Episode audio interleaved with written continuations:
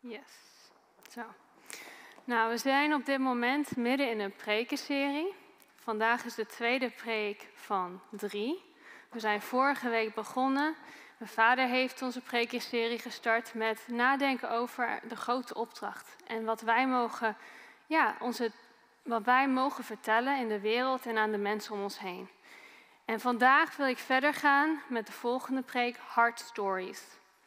En ik wil daarmee beginnen door het verhaal te vertellen van een vrouw, een Samaritaan, die op weg naar de waterput was op het heetste moment van de dag. De andere vrouwen in het dorp die waren al eerder s morgens vroeg geweest, wanneer het nog koel was. Maar voor haar was het beter zo. Liever de hitte van de zon dan de hitte van die blikken op haar rug. Want ze weet wel wat al die vrouwen denken. Ze heeft er al haar hele leven mee moeten dealen. In een klein dorp, in een uh, dorp veel kleiner dan Soest, weet iedereen alles over elkaar. Ze weten dus ook over haar en haar verleden, haar fouten, haar zonden. Had ze dit leven uitgekozen? Nee. Niet echt. Maar het leven heeft haar geen keuze gegeven.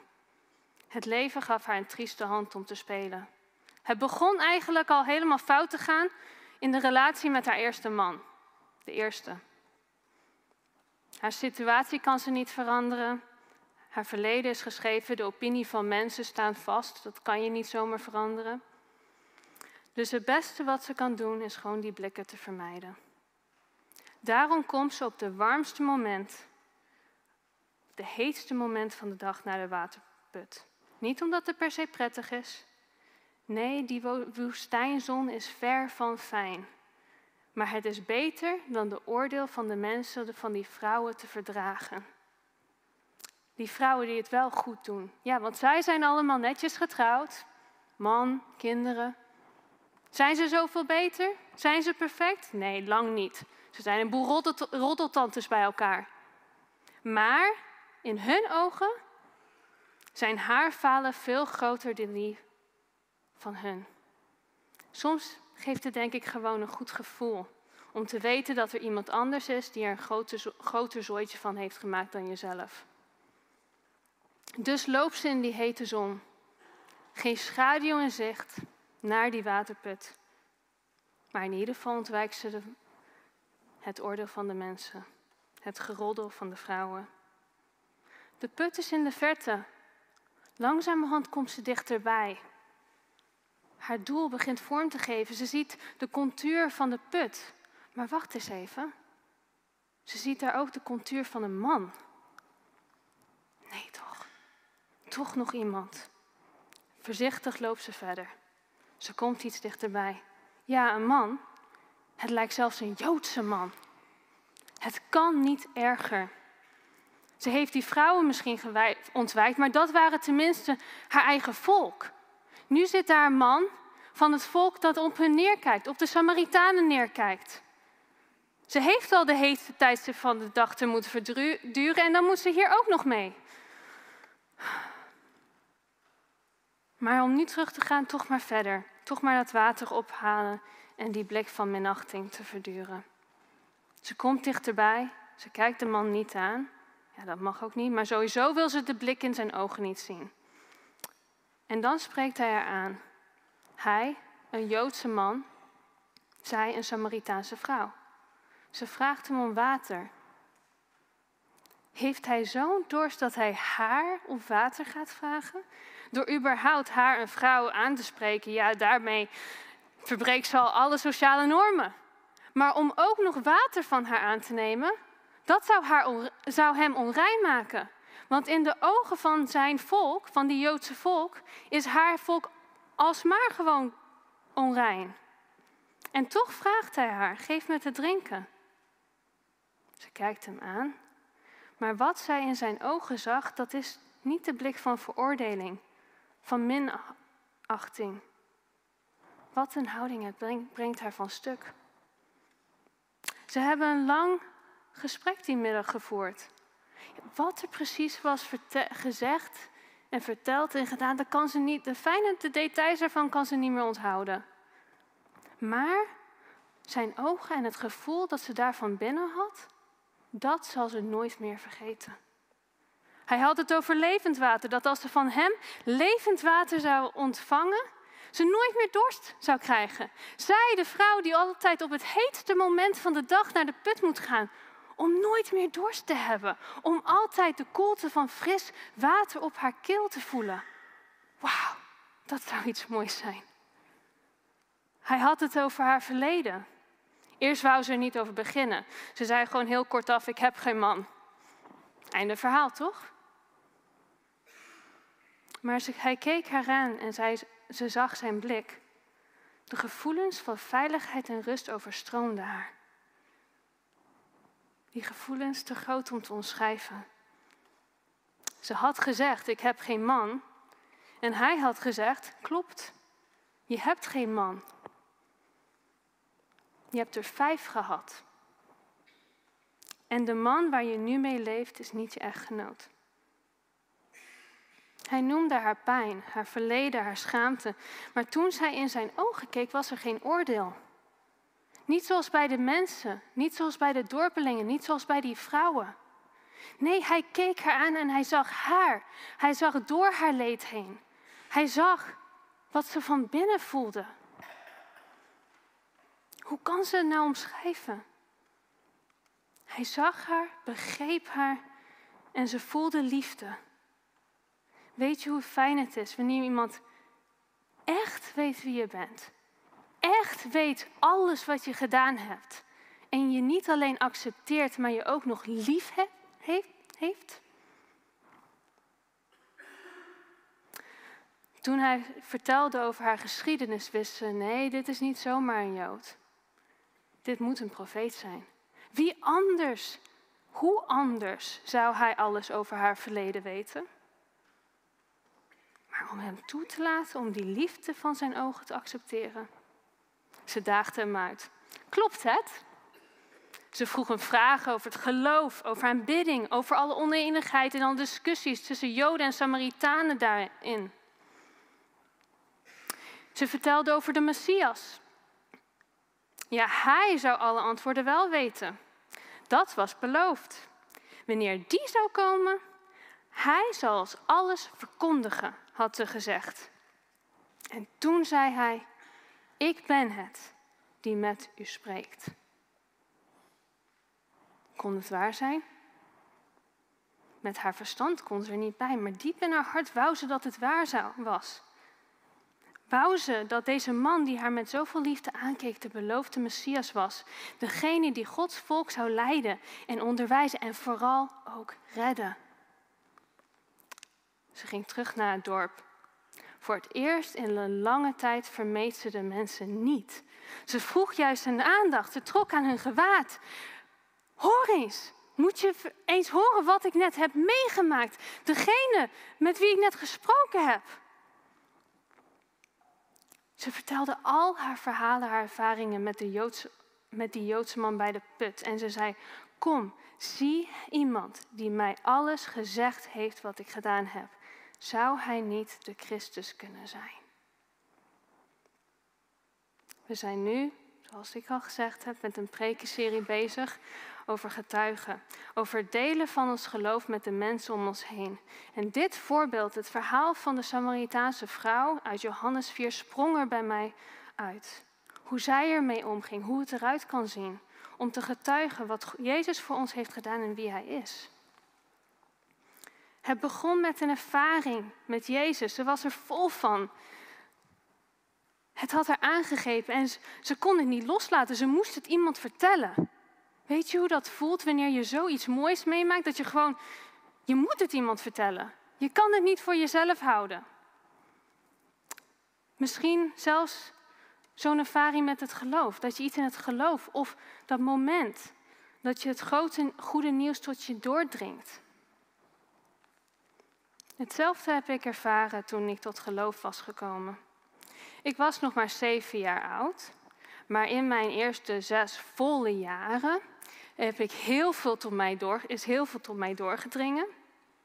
En ik heb vooral gezien en meegemaakt hoe mijn ouders God geloofden. en daar echt naartoe leefden. Ze hebben mensen losgelaten, dingen losgelaten, zijn helemaal naar China verhuisd. Allemaal vanwege hun geloof. En ik denk als kind denk ik dat ik dat helemaal niet doorhad, hoe groot die stappen waren. Maar wat ik vooral meemaakte en wat ik ervan, vooral ervaarde, was dat ze dag in dag uit met God leefden. Dat ze echt een relatie hadden met iemand. En dat was niet een dood, stil relatie, maar dat was een relatie met een God die echt een impact had. En dus in mijn kinderlogica van zeven jaar oud kwam ik dus tot de conclusie: ja, God, ja, die is denk ik wel echt. Die, uh, hoe kon het dan anders zijn dat God ook daadwerkelijk bestond? En ik realiseerde me even later: ja, volgens mij geloof ik dan ook in God.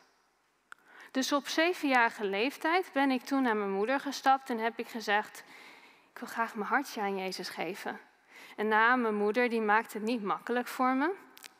Die heeft me gewoon neergezet en die heeft wel heel duidelijk gezegd wat het allemaal inhoudt om, het, uh, om te geloven. Die heeft me heel duidelijk verteld: het is een keuze voor het leven. En die heeft me ook duidelijk gemaakt: ja, het hoeft niet altijd makkelijk te zijn.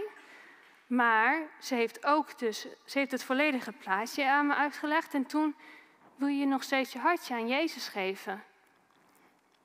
En over dit moment heeft ze geschreven in de eerste Nederlandse Bijbel. Eerst was het een Engelse Bijbel. Eerst een Nederlandse Bijbel die ik ooit, uh, die ik ooit gekregen heb. En daarin schrijft ze. Het mooiste van alles was dat je op 3 mei 2000 zei dat je graag de Heere Jezus in je hartje wilde vragen. Mama legde nog eens goed uit wat dat allemaal betekende. Toen we samen hadden gebeden, rende je blij naar papa. We hebben gebeden. Ik heb de Heere Jezus in mijn hartje. Ik ben zo blij. Het verhaal, het moment stopte niet bij het bidden van het gebed. Op dat moment ervaarde ik iets zo diep van binnen, iets dat je niet per se kan uitleggen. Of waar je niet per se duidelijke, logische, theologische antwoorden voor hebt, maar ik ervaarde iets van binnen waar ik gewoon niet omheen kon. Ik wist, ik heb de liefde van Jezus ervaren in mijn hart. En de uh, resultaat daarvan was dat ik zo enthousiast was dat ik niet gewoon kon netjes stil blijven zitten.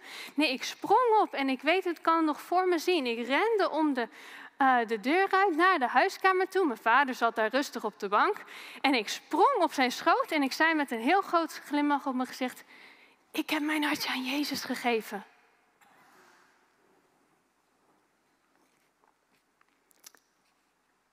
Ons reis tot geloof en daarna, dat zijn hele verschillende verhalen. Soms komen we jong tot geloof, soms ouder. Soms via een hele verwarrende weg. Soms wat simpeler. Maar wat ik wel heel vaak heb gemerkt als ik de verhalen van mensen hoor, is dat het vaak niet logica is die doorslaggevend is. Het is wanneer we zo'n moment hebben, een moment hebben ervaren, zo'n diepe ervaring met Jezus hebben in de put of aan de rand van de put, dat we er niet meer over omheen kunnen. Dat heb ik ervaren, dat hebben misschien jullie ervaren, maar dat heeft ook de Samaritaanse vrouw ervaren, aan de rand van de put. Ze heeft Jezus ontmoet en ze was er zo vol van dat ze gelijk terugging naar het dorp en de mensen vertelde wat haar was overkomen. Zij die normaal gesproken mensen vermeed, vermeed hen niet vanwege het enthousiasme van haar ontmoeting met Jezus. En wat ik zelf zo mooi vind en wat me voor de eerste keer toen ik deze tekst weer las een keertje opviel, ze wachten niet totdat ze alles perfect snapten. Ze wachtte niet totdat ze alle antwoorden had. Ze vertelde de dorpelingen simpelweg gewoon wat ze wel wist, maar ook wat ze niet wist. Kom, zie iemand die mij alles heeft gezegd wat ik gedaan heb. Zou hij niet de Christus kunnen zijn? Dit trof mij. Met name omdat ik in de loop van de jaren dit af en toe uit, oog heb verloren. Wanneer we net tot geloof zijn gekomen, is het, voor sommigen zal ik daarbij zeggen, makkelijk om uit te stappen en te vertellen. We zijn zo vol. Soms kunnen we onze mond gewoon niet houden. En in het begin voelt het ook misschien voor sommigen natuurlijk en makkelijk aan. Maar dan komen die moeilijke vragen. En dan staan we met een mond vol tanden. Is daar een antwoord voor? Wat zou daar het antwoord op, op, kunnen, voor, op kunnen zijn? Of we krijgen een negatieve reactie. Prima dat jij een christen bent, maar praat er vooral niet met mij over. Of vertellen, vertellen iemand over onze ervaringen. En we krijgen de reactie, mooi dat jij hierdoor over mag worden bemoedigd. Maar voor mij is het niks. Ik hoef niks met het geloof te maken te hebben. En langzamerhand kunnen we dan soms ontmoedigd worden door die reacties. Ontmoedigd worden om te getuigen en over ons geloof te vertellen. We zien en begrijpen dat het goede nieuws dat ons zo enthousiast maakt, niet door iedereen wordt geapprecieerd. Misschien worden we zelfs een beetje bang of geïntimideerd. Ik wil graag delen wat op mijn hart is, maar wat als er negatief op wordt gereageerd? Of wat als die relatie met die persoon dan gaat veranderen? Of wat als ze die moeilijke vragen weer gaan stellen waar ik gewoon geen antwoord op heb?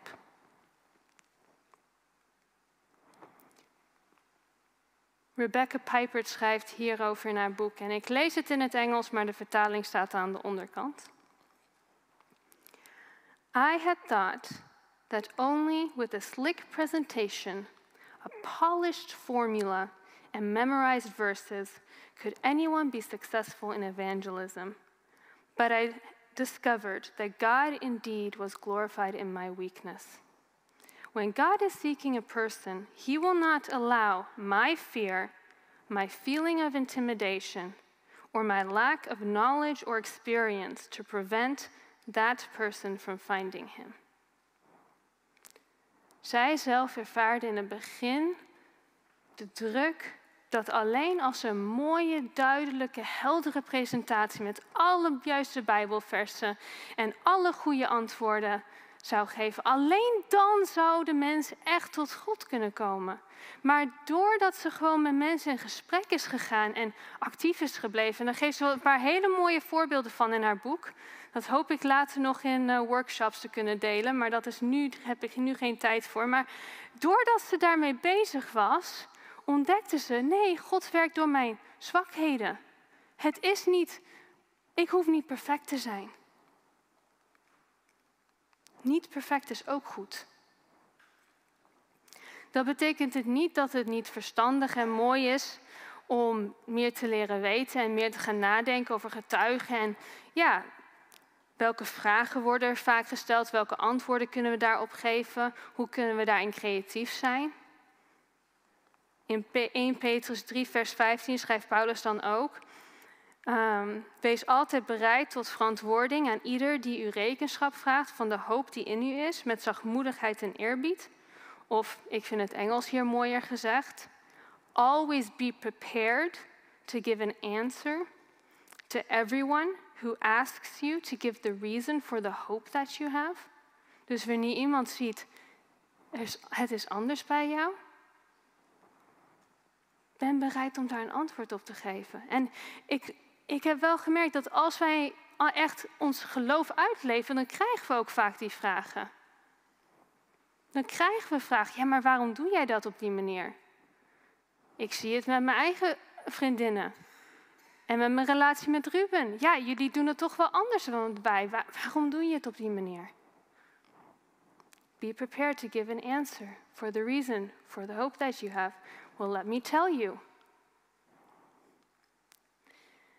En omdat het ook mooi is en goed is om daarmee bezig te zijn, om die to be prepared, om bereid te zijn, zijn we ook binnen het team onderwijs aan het kijken, ja, hoe kunnen we hier nog praktischer op ingaan? Hoe kunnen we hier eventueel workshops over gaan organiseren, zodat we samen met elkaar ja, de moeilijke vragen kunnen aangaan en hierover kunnen praten en brainstormen. En samen over als gemeente gaan nadenken, hoe kan ik ook inhaken op iemands antwoord of gevoel. Maar wat ik vandaag met name wil benadrukken en wat we niet moeten vergeten en laten liggen is niet perfect is ook goed. We mogen groeien, maar we hoeven niet perfect te zijn om te starten. De Samaritaanse vrouw wachtte niet totdat ze haar verhaal perfect had. Ze wachtte niet totdat ze alle antwoorden had. Ze vertelde simpelweg wat ze wel wist, maar ook niet onbelangrijk. Ze was eerlijk over wat ze niet wist. Met dat ik hiermee bezig ben geweest de afgelopen maanden, het onderwerp getuigen, één woord die telkens weer bij mij terugkwam en opkwam was authentiek zijn. Vooral denk ik in deze generatie is het belangrijker dan ooit dat we authentiek zijn. Maar een paar woorden die hier bij mij opkwamen is echt, oprecht, eerlijk, integer, betrouwbaar, geloofwaardig en in de context van getuigen ook zeker jezelf zijn, dicht bij jezelf blijven. Hoe ziet dat er praktisch uit? Nou, ik denk dat het ook kan beginnen met niet de druk voelen dat we eventueel meer of groter of beter moeten zijn dan we daadwerkelijk ook zijn. We mogen gewoon onszelf zijn, juist ook in ons falen. Want is dat ook uiteindelijk niet de boodschap die wij hebben om te geven? Het is niet dat als ik, nu dat ik christen ben geworden, dat ik alles, alles op een rijtje heb. Nee, het is eigenlijk juist het tegenovergestelde. Om tot geloof te komen, om christen te worden, heb ik eerst moeten realiseren dat ik niet genoeg ben. Dat ik het niet allemaal op een rijtje heb. Dat ik hulp nodig heb. Maar het verschil dat mijn geloof daarin dan brengt, is dat ik nu wel weet bij wie ik kan komen met mijn tekortkomingen. Zoals mijn vader dan ook vaak zegt, we zijn als gelovigen eigenlijk gewoon allemaal patiënten in een ziekenhuis. Daarnaast mogen we heel dicht bij onszelf blijven. We hoeven het geloof van een ander niet uit te leggen. We hoeven niet uit te leggen waarom die persoon zo doet en die persoon op die manier het ervaart. We hoeven niet alle antwoorden te weten. We mogen daar gewoon ook in eerlijk zijn. Vertel wat je weet, hoe God je geholpen hebt, hoe, God jou, hoe je God in je leven ervaart, maar ook eventueel wat je niet weet. Dus als we dan weer zo'n moeilijke vraag tegenkomen, te zeggen van weet je, goede vraag. Maar uh, eerlijk gezegd heb ik daar geen antwoord op. Maar vind je het leuk om daar samen een keertje over na te denken en het antwoord op te zoeken? En dat betekent ook dat we open en eerlijk mogen zijn in hoe we zelf getuigen ervaren. Heb je wel eens bijvoorbeeld nagedacht om aan een vriend of vriendin gewoon jouw angsten of gevoelens te delen met betrekking tot geloof delen? Om bijvoorbeeld tegen een vriend en vriendin te zeggen van, weet je, ik wil eigenlijk je wel wat vertellen, wat, iets wat voor mij heel belangrijk is, maar ik weet gewoon eerlijk gezegd niet hoe ik erover moet beginnen. Het gaat namelijk over mijn geloof en ik weet dat dat bij sommige mensen een gevoelig onderwerp kan zijn. Ik wil ons vriendschap hier ook niet over verliezen of dat dat wat verandert. Maar ik zou er wel heel graag over willen delen. Kunnen we hier gewoon een keertje koffie pakken en over gaan praten? De Samaritaanse vrouw in haar enthousiasme deed dit. Ze begreep diep van binnen wat het betekende om imperfect te zijn, om fouten te maken. Zij, heeft als geen ander ervaren wat Jezus daarin betekende. Ze ging enthousiast naar het dorp waar ze verhaal, haar verhaal vertelde. Waarbij ze juist erkende dat Jezus haar in haar imperfectie had gevonden. Hij heeft mij alles gezegd wat ik gedaan heb. En ze erkende ook dat ze nog vragen had, dat ze niet alles wist. Zou hij de Christus zijn? En door haar verhaal heen nodigde ze mensen uit om Jezus te ontmoeten. Kom, zie hem. En die uitnodiging, dat was misschien het belangrijkste van haar verhaal. Haar verhaal ging uiteindelijk mensen niet redden. Maar haar verhaal wees wel naar de oplossing. Het was de uitnodiging om naar Jezus toe te gaan. En de mensen gingen ook naar Jezus toe. En ze vroegen hem, wil je even blijven, bij ons blijven uh, overnachten? En twee dagen lang bleef hij bij hen. En hij onderwees hen en, hij, en ze zaten bij zijn voeten en ze luisterden naar zijn woorden en ze luisterden naar zijn, hun onderricht. En het resultaat daarvan was dat na die twee dagen ze teruggingen naar die vrouw en ze vertelden, zeiden, wij geloven niet meer om wat u zegt, want wij zelf hebben Hem gehoord en weten dat Hij daadwerkelijk de zaligmaker van de wereld is, de Christus. Het begon misschien bij haar verhaal. Dat was de eerste reden waarom ze gingen. Maar dat was niet de conclusie. Uiteindelijk konden ze zeggen: Nee, het is nu, geloven we, niet vanwege wat jij verteld hebt, maar omdat we Hem zelf hebben ervaren, omdat we Zijn woorden hebben gehoord. Onze verhalen, onze interacties zijn vaak de introductie aan Jezus. Door ons komt vaak de eerste uitnodiging. De eerste aanleiding tot geloof voor mensen. En leuk is, dit wordt ook bevestigd in de statistieken. Onderzoek, eh, hier is onderzoek naar gedaan. En onderzoek wijst dat de meeste mensen tot geloof komen door een relatie, door iemand in hun leven. Dat was zo voor de Samaritanen, dat is, was mijn verhaal. En ik denk dat als we samen eventueel zo onder de koffie met elkaar gaan praten, dat dat voor heel veel van ons hetzelfde is. We komen tot geloof vaak door iemand in ons leven. En daarom ook die bemoedigende vers in Jesaja 52. Hoe lieflijk zijn op de bergen de voeten van hem die het goede boodschap brengt. Zou God iemand tot geloof kunnen brengen zonder ons? Jazeker. En dat doet hij ook. Maar steeds weer wordt, wordt er juist in de Bijbel benadrukt, hij heeft ons gekozen. Hij wil juist door ons heen werken. Wij mogen het licht van de wereld zijn. We mogen zijn ambassadeur zijn. Wij mogen getuigen zijn. En die taak wil hij niet van ons wegnemen, want het is een mooie taak. Terwijl de vrouw weg was gegaan en bij de dorpelingen was en hun heel enthousiast bezig haar verhaal te vertellen, waren de discipelen teruggekomen. En had Jezus een gesprek met de discipelen. En juist zei hij op dat moment, ging hij juist op dat moment hun vertellen over getuigen, over wat hun te, uh, te doen stond. Maar daarbij zei hij in vers 36, op, wel, op dat zowel wie zaait als wie oogt zich samen verblijden. Om deel te mogen zijn van iemands verhaal. Om een puzzelstukje te mogen zijn waardoor iemand tot geloof komt. Om net dat kleine beetje, die stap, die push, om net wat dichter en wat meer over God, over Jezus na te denken. Dat is iets heel moois en dat gunt God ons ook. Wij mogen de uitnodiging zijn naar Jezus toe. Ons verhaal is daarbij wel alleen maar begin. Uiteindelijk is het wel de bedoeling dat mensen door ons verhaal verder doorgaan om ook daadwerkelijk Jezus te ontmoeten. Dat, dat moet niet missen. Zijn woorden te horen en voor zichzelf tot de conclusie te komen. Dat Hij de redder is van de wereld en van hun persoonlijk.